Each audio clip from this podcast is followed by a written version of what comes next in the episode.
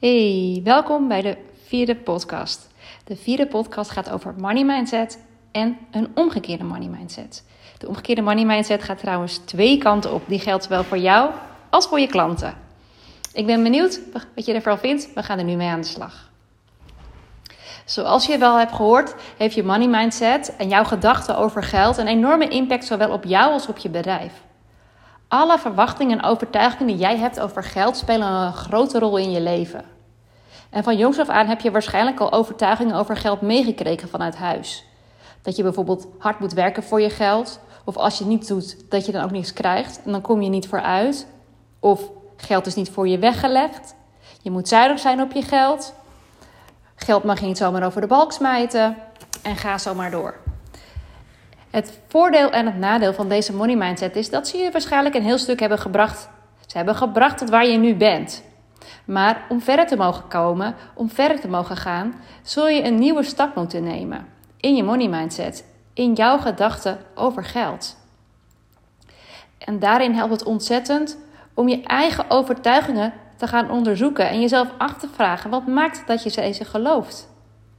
Ik geloofde altijd: je moet keihard werken voor je geld, want anders gebeurt er niks, dan krijg je het niet. En deze overtuiging die bracht mij ook ontzettend ver. Ik had een glanzende carrière. Mijn, mijn salaris was meer dan die 100k per jaar. Dat was gewoon een, een salaris wat ik verdiende. Maar het maakte me niet gelukkig. Hè. Het brandde mij zelf helemaal op. Waardoor mijn lichaam wist en liet voelen dat het zo niet verder kon gaan. Waardoor ik uiteindelijk wist en voelde dat ik niet gelukkig zou worden daardoor.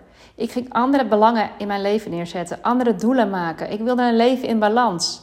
Wat je ook al hebt gehoord in mijn eerste podcast. En ik begreep ook dat het signaal van mijn lichaam niet zomaar er was. Ik voelde het al cadeau. Ik voelde dat ik hier iets mee mocht gaan doen. En daarom heb ik ook mijn overtuigingen en patronen onderzocht welke ik had over mijn money mindset. En dat heeft mij ontzettend veel opgeleverd, waardoor mijn bedrijf en ik hier elke dag nog voordelen van hebben. Want als jij gaat onderzoeken waar jouw gedachten over geld vandaan komen, dan brengt dat, brengt dat mee dat jij gaat veranderen en dat je gaat transformeren. Waardoor jij gaat voelen wat voor jou werkt. Waardoor jij gaat inzien wanneer dingen moeiteloos gaan. Waardoor je steeds meer in een flow gaat komen. Dus ik ben eventjes heel nieuwsgierig. En kijk eens naar jezelf. Welke overtuigingen heb jij over geld? En op welke manier hebben deze overtuigingen een effect op jouw bedrijf en op jouw leven? Waarin houden ze jou nou tegen? Waarin houdt jouw money mindset jou nu tegen? Waarom doe je niet de dingen die je doet? Waar komt dat vandaan? En is dat waar, jouw gedachten over, jou, over jouw money mindset? En als je nou eens mag omdraaien. Als je nou eens kijkt naar geld of als het je beste vriend is.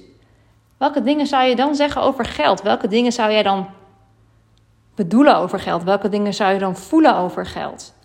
En dat kan twee kanten op gaan. Hè? Dan kan je denken, jeetje mine, ja, als ik zo zou denken over geld, dat is misschien wel heel arrogant. Of mag ik dat wel denken? Of het kan misschien wel juist ontzettend bevrijdend werken.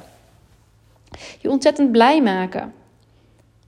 En daardoor durf je te investeren. Daardoor durf je voor jezelf geld uit te geven. Maar daardoor zal je ook merken dat er geld naar je toe komt. Dat je het waard bent. Want hoe spannend vinden wij het vaak niet om in een gesprek, in een salesgesprek, een gesprek met een potentiële klant om je prijs neer te leggen, om aan te geven hoeveel jij kost.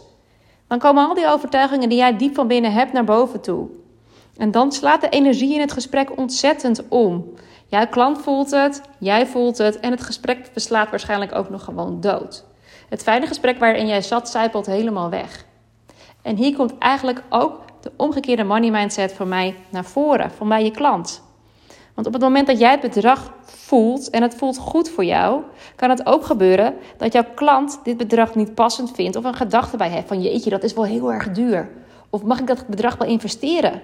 Of weet je, de klant heeft niet voldoende vertrouwen in zichzelf, waardoor hij denkt dat hij het nooit kan gaan waarmaken.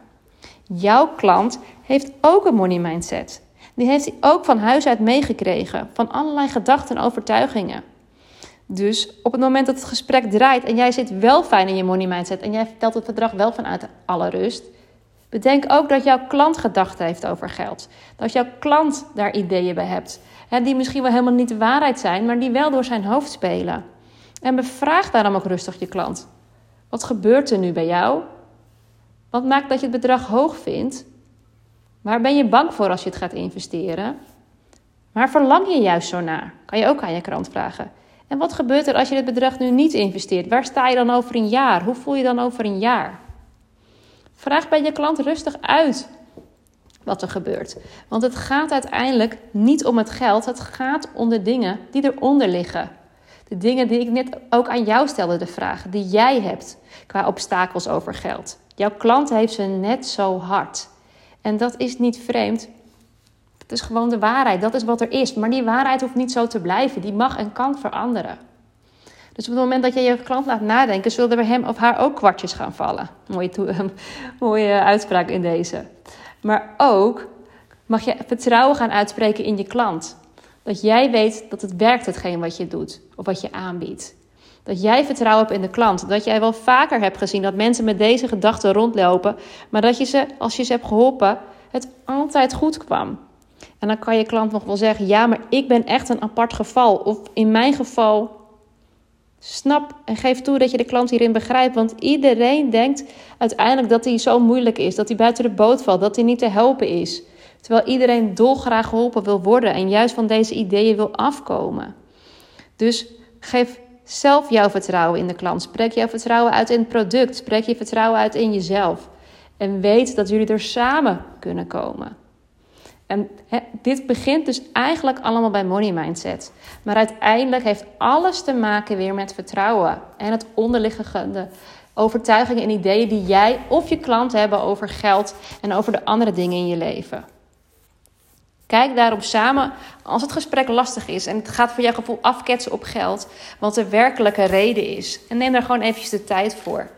En heb, stel jezelf ook niet tot doel dat je je klant moet overhalen of moet overtuigen. Je weet zelf hoe irritant dat is en dat het averechts werkt. Maar onderzoek alleen maar met je klant en bied aan wat er wel mogelijk is. Hè? Onderzoek het, bied aan, spreek vertrouwen uit. En wat voor mensen ook heel fijn werkt, en het lijkt zo simpel, is dat ze mogen betalen, in termijnen. Want een bedrag in ene voelt groot. Maar als je het mag opdelen, dan lijkt het voor klanten gelijk een stuk behapbaarder. Dat voelt veel fijner. En voor jou is dat ook oké. want wat maakt het uit dat iemand in termijnen betaalt? Je wil die klant uiteindelijk gewoon ontzettend graag helpen.